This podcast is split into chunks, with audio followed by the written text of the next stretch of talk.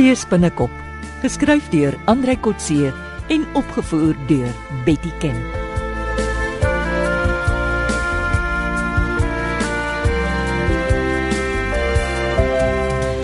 Hallo.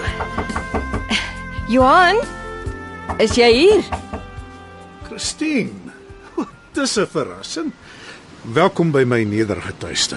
Jong, jy moenie jou voordeur so laat oop staan nie. Dis beter so. As mens eers vir 'n paar dae in die tronk was, dan waardeer jy jou oop deur. Nou ja, ek het vir die tronkvoël kom kuier. Maar kom sit. Uh, is Wynand en Ina weg Kaap toe? Ja, uh, gelukkig het sy geen probleme gehad om by die spreekkamer verlof te kry nie. Uh, wie bestuur? Wynand. Hulle het die prokureur opgelaai uh, vir Botha. Hy ken glo die mense van die valke. Ek hoop hulle sal die valke kan oortuig dat hierdie nie maar net 'n klein perlemoen smokkelsaak is nie. Wynand was mos darm saam met jou na die renosterplaas toe. Hy sal hulle kan vertel wat daar aangaan. En as mens bietjie krap, sal jy uitvind Big Joe is ook by baie ander dinge betrokke. Diamante, blou films, douane oortredings. Ja, jy sê mos dis hoe syndikaate werk. Hulle raak al meer gierig. soos Fortuin. O, oh, jy het hom kans gegee om los te kom van sy verlede, maar hy het gewoond geraak aan die perlemoengeld. Dis hoekom hy en Bobby voortgaan met die stropery. As hulle net vir Fortuin kan vastrek, sal dit al klaar my onskuld bewys. Ina sê en hulle wil probeer om soveel moontlik van die syndikaat en die stroopers op een slag bymekaar te kry. Maar die ideaal is om Bobby en sy stroopers sommer op die see met 'n spul perlemoen in hulle besit te arresteer. Dit sal interessant wees om Fortuin se reaksie daarop te sien. ja, dis hy wat hulle moet beskerm. Is hy so lojaal teenoor Bobby? Nee. Fortuin is gierig en beskerm net sy inkomste uit perlemoenstropery. Ek dink tog daar's 'n soort kameraderie. Jy sê mos daar's eerbaarheid onder diewe. Oh, Fortuin kan nie die woord eerbaarheid spel nie. Sjoe, ek moet loop. Tyd stap aan. Ek wil 'n vissoppie gaan opsit. Dit klink lekker. Uh, kom maar so 12 uur oor en dan eet jy saam. Ina is nie daar om lawwe aanmerkings te maak nie. Waaroor? Oor die feit dat ons twee saam iets doen. Maar dankie. Dan moet ons die tyd sonder 'n oppasser uitbuit.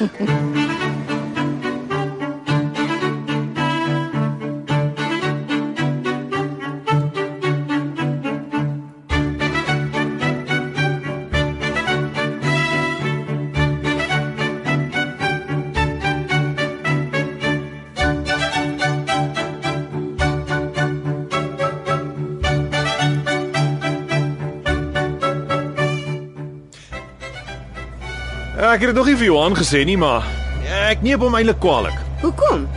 Omdat hy bereid was om die skurke 'n kans te gee. Ag, los dit liewer Wynand. Hy kom uit 'n ander wêreld uit. Ja. Hy's idealis hierna. Ek dink Johannes self spyt daaroor. Moenie dit nog invryf nie. Dit beteken Fortuin en Bobby sal nooit vir jou ontvoering aangekla en gestraf word nie. Miskien tog nou wel. Dit lyk asof majoor Viljoen van die Valke gretig is om Fortuin en sy manne te arresteer. Ja, hy klink op en bakker. Ek hou van die idee van 'n spesiale operasie volgende week om die stroopers vas te trek. Besef hy die stroopers sal die perlemoen bloot oorboord gooi as hulle 'n polisieboot of helikopter sien aankom. Daarom het hy my gevra om my boot beskikbaar te stel. Hy wil juis nie 'n polisieboot gebruik nie. Hoekom nie? Jong, dit mag by Fortuin se ore uitkom en dan se operasie van die baan. Mm, hy's reg. So. Dit lyk asof ek en jy die skurke sal moet vang. Daarom nie alleen nie. Hy sal 'n polisieduiker van die Kaap bring om saam met ons op die boot uit te gaan. 3 van ons om 5 stroopers te vang. Ja. Wel as dinge volgens plan verloop, sal ons hulle mos nie fisies hoef te vang nie. Dit gaan maar om hulle op heterdaad te betrap. Ja. Die polisieman sal hulle regte vir hulle uitspel en ons is getuies. Ja, nee, maar hier is ons nou by Johan se plek. Kom ons vertel hom wat die valke sê. Anders moet ons weer terugkom. Dankie julle twee. Dan lyk dit daarom asof daar volgende week iets sal gebeur. Wynand, het jy seker gemaak dat die ouens van die Kaap nie die plaaslike polisie sal sê van die operasie nie? Maar natuurlik. Dis hoekom hulle nie 'n groot span wil stuur nie, Hoeso? om lekkasies te verhoed. Die enigste polisieman wat betrokke sal wees, is die duiker wat saam met ons sal uitgaan see toe. Kan ons nie liewer 'n duiker van die vloot kry nie? Nee. Ek is 'n ex-duiker van die vloot. Een is genoeg. Hoekom is die polisie duiker dan betrokke? Wel, dan moet iemand met arrestasiemagte saamgaan. Ek en Ina sal vir Bobby hulle kan uitken en hanteer as dit nodig is. Hoekom Ina ook? Want ek wil saamgaan, oom. Hm, sy is al 'n ervare matroos, goed opgelei. Jy moenie nou onverantwoordelik raak nie, Wynand. Wat bedoel jy? Jy moenie vir Ina blootstel nie. En as jy vir Bobby doodmaak, sit ek nog saam met 'n moordenaar in die tronk ook. Ek is lus vir Bobby. Maar ek soek hom lewendig.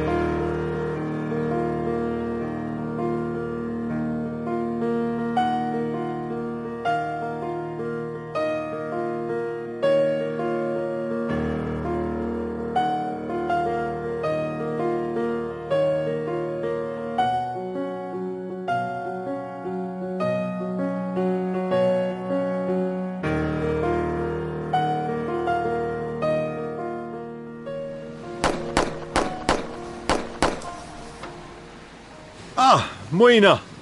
3 uit 5 in die kol.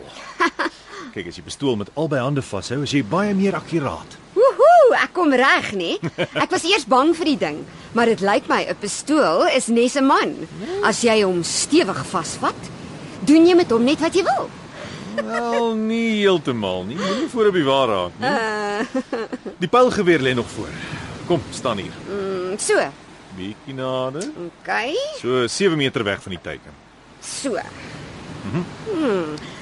Ek het al met 'n pylgeweer geduik en vis geskiet. Hoekom oefen ons nie net onder die water nie? Mens gebruik mos nie 'n pylgeweer buite die water nie. Wel, vir ons doel is dit juis buite die water op kort afstand. Die gevoel van 'n skoot buite die water is baie anders as onder die water. Mm, ek sal dit glo. Die terugslag is seker meer. Jy's reg.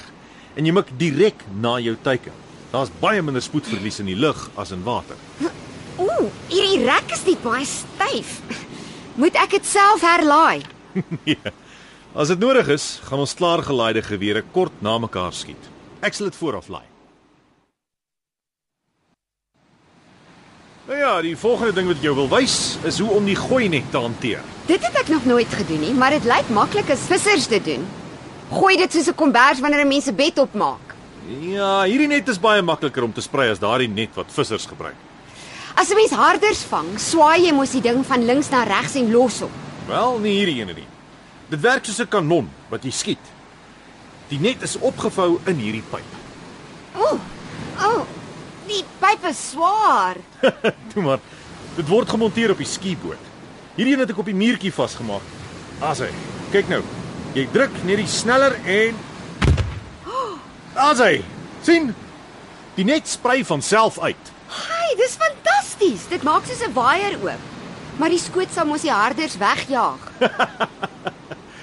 Hierdie net is nie vir harders vang nie. Ons gebruik dit in die vloot om mense te red. O, Ja, en die spesiale magte gebruik dit om mense te vang. die rekkies. Mhm. Mm Wel, wil jy ons by die stroopers red of vang? Ah, jy sal sien. Gaan ons regtig al die skietgoed nodig kry? Ja, miskien. Jy sê heeltyd die skietoefeninge is maar net vir ingeval ons dit nodig kry. Maar sien nou maar ons kry dit regtig nodig. Dan is jy goed genoeg opgelei om met jou lewe daarvan af te kom.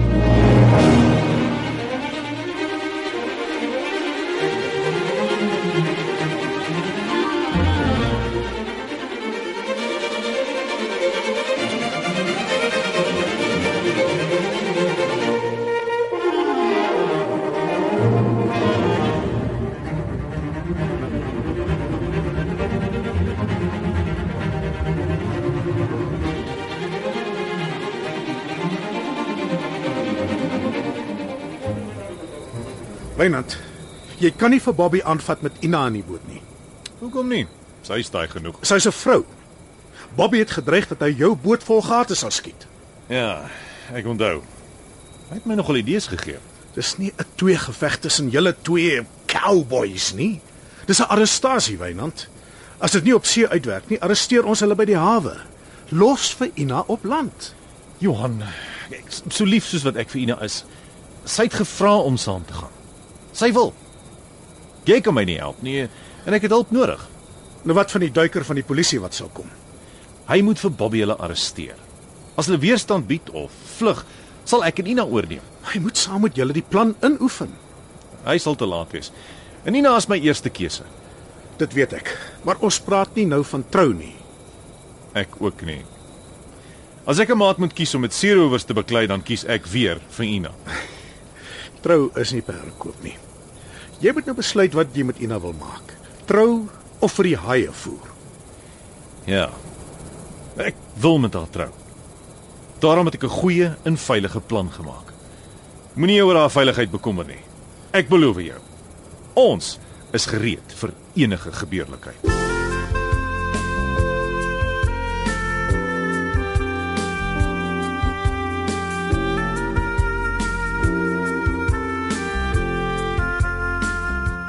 Dit was Seespinnekop deur Andrei Kotse.